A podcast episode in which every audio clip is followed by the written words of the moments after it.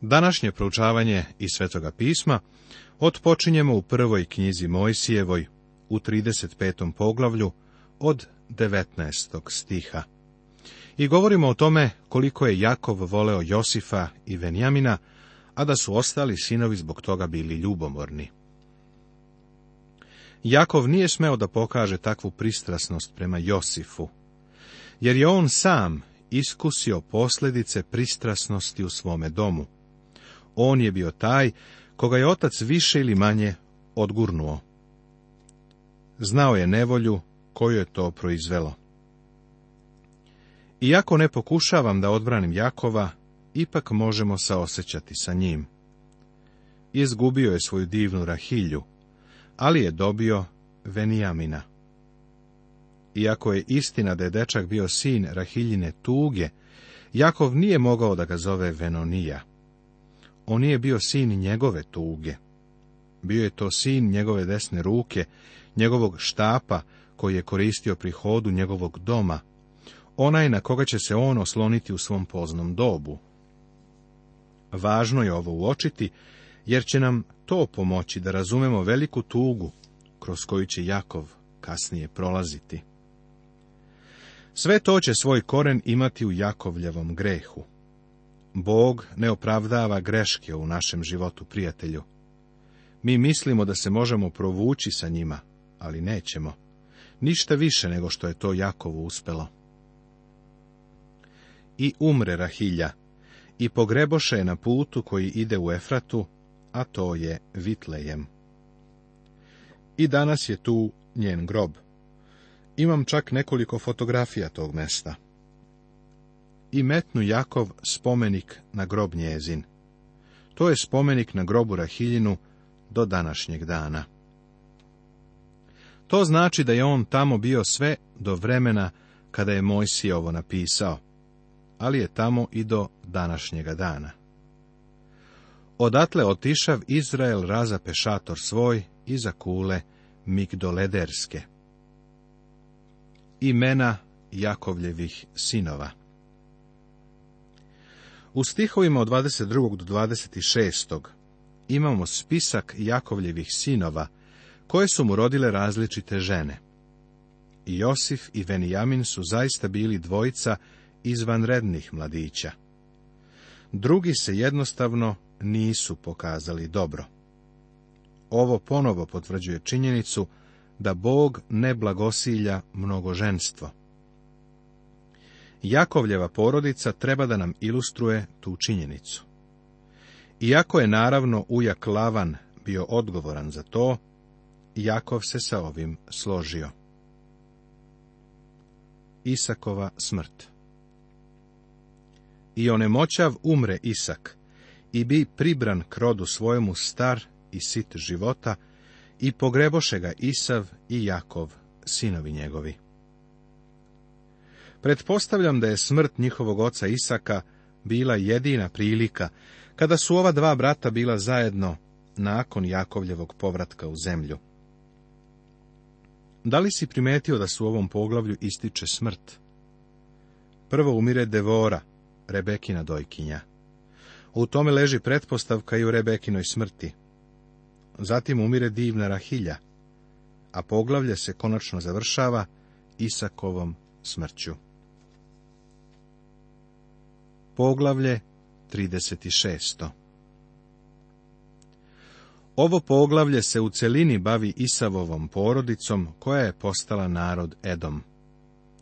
Iako prosečnom čitaocu ovo možda i nije naročito zanimljivo, ovo jeste izvanredna studija za onoga ko želi da prati imena i narode koji su potekli od njih vidjet ćeš da neka od imena koja se ovde pominju, jesu imena koja čovek danas može čuti u arapskoj pustinji.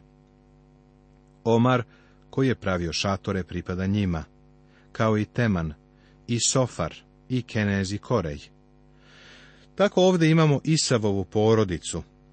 Oni se još uvek nalaze na istoj lokaciji. Isavova porodica je bila smeštena u Edomu, koji se nalazi jugoistočno od Mrtvoga mora. Ovo je planinsko područje, a glavni grad Edoma, stenama ispresecan grad Petra, i danas se tamo nalazi. Proroštvo u vezi sa Edomom u knjigama proroka Isaije, Jeremije, Jezikilja i Avdije izvanredno se ispunilo. Edomski narod je potekao od Isava. Tri puta u ovom poglavlju je jasno pokazano da je Isav otac Edomcima. U stvari imena su sinonimi. Obrati pažnju na primjer na stih osmi ovde. Pa kakva je onda razlika između Isava i Edoma? Kada smo prvi put susreli Isava, vidjeli smo da je on sin iz Isakove porodice. On je bio mladić koji je vreme provodio na polju, kršan momak, zgodan, atletski građen, da i to spomenemo. Spolje je delovao privlačno, ali ako je ikada postojao telesni čovek, to je bio Isav. Pre više godina jedna devojka hrišćanka mi je pričala o zgodnom mladiću koga je upoznala. U stvari oboje su bili vrlo lepi mladi ljudi. Ona je rođena u Kini. Njen otac se bavio poslom u oblasti nafte i bio je vrlo imućan. Ona je srela ovog mladića koji je bio činovnik u banci i vrlo siromašan. Kad sam bio mlad, i ja sam bio činovnik u banci, pa znam da mnogi činovnici iz banke traže da se dobro ožene. Oni zapaze kćerke njihovih mušterija koji ulažu novac u banku. Tako je i ovaj mladić upoznao ovu devojku. Bio je to zgodan i loš čovek. Lep i kršan momak, ličio mi je na Isava. Ona je bila divna devojka, hrišćanka, koju jedan misionar, još dok je bila u Kini, doveo gospodu. Ona je insistirala na tome da se uda za ovog mladića, nadajući se da će i on doći gospodu. Ja sam sa njim razgovarao, pa sam znao da on nema nameru da priđe gospodu, ali je želeo da oženi tu devojku. Ona je bila lepa i bogata, a on je bio telesni čovek. Rekao sam im da ja ne mogu da ih venčam. Nju je to vrlo naljutilo, ali je kasnije došla da mi kaže da se razvela. Kazala je da nikada nije srela osobu toliko obuzetu svetovnim i telesnim stvarima. Rekla je da nije ni sanjala da može postojati osoba koja u celom svom životu nikada nije imala uzvišenu, plemenitu, duhovnu, divnu misao. Rekla je da je bio u potpunosti grub i sirov. Spolja je odavao dobar utisak, imao je dobre manire, ponašao se lepo i časno, dok joj se udvarao. Ali ispod te fasade bio je grub i sirov. E pa, takav je bio i Isav da si u Isavovo vreme ti bila jedna privlačna devojka i da si ga videla u njegovoj porodici, sve su šanse da bi bila srećna da izlaziš sa njim. On je bio zgodan mladić, ali telesan. Možda bi neko želeo da se prepire sa Bogom, zato što je izabrao Jakova, a ne Isava. Isav je s polja delovao tako dobro. Da li je Bog mogao da pogreši? Međutim, u Avdijinom proroštvu vidimo razotkrivenog Isava. Od tog jednog malog Isava nastalo je sto hiljada edomaca. Svaki od njih je bio mali Isav. Sada pogledaj taj narod, pa ćeš vidjeti šta je nastalo od Isava. To je kao kada bi Isava stavio pod mikroskop. To bi ga veoma uvećalo. Šta vidimo? Vidimo narod pun ponosa. U knjizi proroka Avdije u prvom poglavlju, u trećem i četvrtom stihu, Bog je rekao Edomu sledeće. Ponos srca tvog prevarite. Tebe koji živiš u raselinama kamenim, u visokom stanu svom, i govoriš u srcu svom, ko će me oboriti na zemlju? Da podigneš visoko kao orao i među zvezde da metneš gnezdo svoje, odande ću te oboriti, govori gospod. Ponos njihovog srca bio je objava nezavisnosti, objava duše koja govori da može živjeti bez Boga i da joj Bog nije potreban. To je Isav. U posljednjoj knjizi Staroga Zaveta Bog kaže Jakova ljubih, a na Isava mrzeh. Bog to nikada nije rekao sve dok nije prošlo hiljadu godina, otkad su ti ljudi živeli ali je Bog od početka poznavao Isavovo srce. Nakon što su oni sami stvorili svoj put u istoriji, svima nam je očigledno da je Bog imao pravo. Isav iz Hanana prelazi na goru Sir. A ovo je pleme Isavovo, a on je Edom. Ponovo nam se kaže da je Isav Edom. Isav se oženi između kćeri Hananejskih, Adom kćerju Eloma Hetejna i Olivemom kćerju Ane, sina Sevegona Evejna, i Vasematom kćerju Ismailovom, sestrom Navaotovom. Sećaš se da je Isavo ženeo dve Hananejke kao jednu Ismailku. I Isav uze žene svoje i sinove svoje i kćeri svoje i sve domašnje svoje i stada svoja i svu stoku svoju i sve blago svoje što beše steka u zemlji Hananskoj, pa otide u drugu zemlju, daleko od Jakova, brata svojega. Jer im blago bejaše vrlo veliko, te ne mogahu živjeti zajedno, niti ih zemlja gde behu došljaci mogaše nositi od množine stoke njihove. Sjeti se da su Avraam i Lot imali isti problem. Nije bilo dovoljno pašnjaka za njih obojicu. Obojica su imala mnogo stoke. Razdvojili su se, pa sada i Isav odlazi iz obećane zemlje. Sam je napušta, zahvaljujući ekonomskim okolnostima. I Isav živeše na planini Siru. Isav je Edom. Sada Isav kreće iz zemlje Sir u Hananu, gde je živeo kada se Jakov vratio iz Padan Arama, što je zapisano četiri poglavlja pre ovog mesta, u prvoj knjizi Mojsijevoj, u 32. poglavlju Svetog pisma Starog Zaveta, na goru Sir, koji sam već opisao. Isavovi potomci a Tamna beše inoča Elifasu sinu Isevovu i rodi Elifasu Amalika. To su sinovi Ade, žene Isevove. Ovo je početak Amalika. Vekovima su se ova plemena, koja su bila u pustinji, širila u mnogim pravcima. Mnogi od njih su otišli preko Severne Afrike. Sva arapska plemena potiču od Avraama, preko Agare, Egipćanke i Heture, koju je oženio nakon Sarine smrti. Među ovim plemenima su se sklapali mešoviti brakovi. Oni pripadaju istoj porodici kojoj pripadaju i Izraelci. Na Bliskom istoku sam sreo Arapina koji je izrazio neprijateljstvo prema izjavi koju sam dao o izraelskom narodu u poruci upućenoj našoj turističkoj grupi iako je Arapin hrišćanin, rekao mi je da mrzi Izraelce. Rekao sam mu, ali oni su tvoja braća.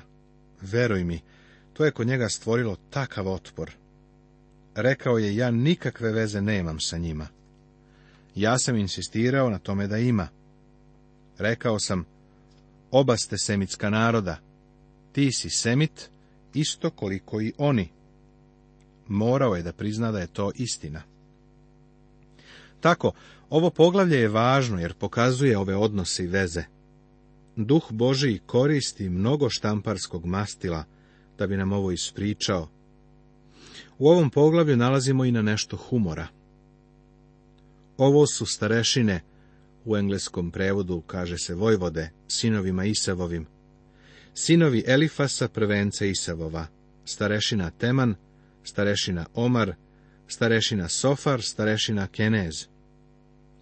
Gde su oni pronašli ove starešine, odnosno vojvode? Evo, ovdje je početak plemstva. Oni su jednostavno prihvatili ili prisvojili ove titule. Svaki od njih je postao starešina, vojvoda, knez. To nije bio samo nadimak, oni su u ovom bili vrlo ozbiljni. Početak plemstva nalazimo u Isavovoj porodici. To su sinovi Isavovi i to su starešine njihove, a on je Edom. Sada oni imaju starešine u svojoj porodici. U mojoj zemlji mnogi ljudi svoje pretke pronalaze među članovima kraljevske porodice. Pitam se da li je iko koji je u Ameriku došao iz Europe bio radnik u vinogradu ili vodio obučarsku radnju. Kao da su svi potekli iz kraljevske porodice. Pa Isav je proizveo dosta takvih, u stvari, on je otišao dalje od stvaranja Vojvoda i Starešina. A ovo su carevi koji carovaše u zemlji Edomskoj, pre nego se zacari car nad sinovima Izraeljevim. Ovo posjedovanje kraljeva uopšte nije bio Božiji plan za njegov narod. Ali to je bio način života Edoma. Oni su nad sobom imali starešine, knezove. Da si pripadao Isavovoj porodici, bila bi ti potrebna titula, jer su oni bili takva vrsta ljudi. Zanimljivo je zapaziti da je Isavov narod imao kraljeve mnogo pre nego što su Izraelci imali kralja. U stvari, kasnije će Izraelci reći Samuilu, postavi nam cara da nam sudi, kao što je u svih naroda. Mogli su reći, naša braća dole na jugu Edomci imaju careve, voljeli bismo da i mi, kao i oni, imamo careve. I ovo su imena starešinama od Isava, po porodicama njihovim, po mestima njihovim, po imenima njihovim.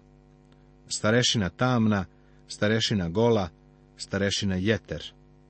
Starešina Olivema, starešina Ila, starešina Finon. Starešina Kenez, starešina Teman, starešina Mazar.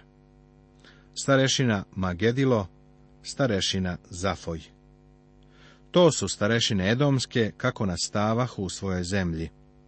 Ovaj Isav bi otac Edomcima. Ovo je porodična istorija odbačene linije. Kada poglavlje pruža konačni rezime, ponovo nabraja starešine koji su potekli iz Isavove loze. Verovatno su se mnogo ulagivali jedan drugom, kada bi se okupili. Želim da upoznaš moga brata, on je knez Alvah. Volio bi da upoznaš mog prijatelja, to je knez Timna. A još i carevi, sumnjam da bi uspeo sve da ih vidiš. Ovo je vrlo zanimljivo poglavlje za svakoga ko je zainteresovan za proučavanje antropologije ili etnologije. Poglavlje kao što je ovo daje porodičnu istoriju, koja se verovatno proteže unazad dalje od bilo kog drugog izvora. Tako se ovo poglavlje završava spiskom starešina ili knezova i ponovo spominje da su živjeli u svojoj zemlji u Edomu. Ovaj Isav bi otac Edomcima. U proroštvima Avdije i Malahije vidimo kako se sve ovo završava. Prijatelju, to je tako neverovatno i to je nešto pored čega ne možemo samo proći. Poglavlje 37. Sada, kada se vraćamo priči o Avramovoj, Isakovoj i Jakovljevoj lozi, dolazimo do četvrte izvanredne ličnosti u ovom posljednjem delu prve knjige Mojsijeve. Odavde, pa sve kroz postanje, centralna figura je Josif, iako se još uvijek bavimo Jakovljevom porodicom. Više poglavlje je posvećeno Josifu, nego Avramu ili Isaku, ili bilo kome drugome. Više poglavlje je posvećeno Josifu nego celom prvom periodu od postanja, od prvog do 11. poglavlja. Ovo bi promišljenog studenta nagnalo da zastane i zapita se zašto je Josifu dato tako istaknuto mesto u pismu. Za to postoji nekoliko razloga. Jedan je taj da je Josifov život dobar i pošten. On je živi primjer stiha. U ostalom, braćo, šta god je istinito, šta god je časno, šta god je pravedno, šta god je čisto, što god ljubazno, što god je na dobru glasu, ako je kakva vrlina, ako je kakva pohvala, na to mislite. Ovo je zapisano u poslanici Filipljanima u četvrtom poglavlju Svetoga pisma, Novog Zaveta. Bog želi da pred sobom imamo sve što je dobro, časno i divno, a Josifov život je upravo bio takav. Postoji i drugi razlog, a divan je. U pismu ne postoji niko koje je od Josifa slični Hristu u ličnosti i iskustvu. Ipak u Novom Zavetu Josif nam se ne pruža kao primjer za Hrista. Međutim, paralela ne može biti slučajna. Kada budemo krenuli u ovu priču, spomenut ćemo mnoga poređenja. Sada se ponovo vraćamo izveštaju o Jakovljevoj liniji, koja vodi do Mesije do Hrista.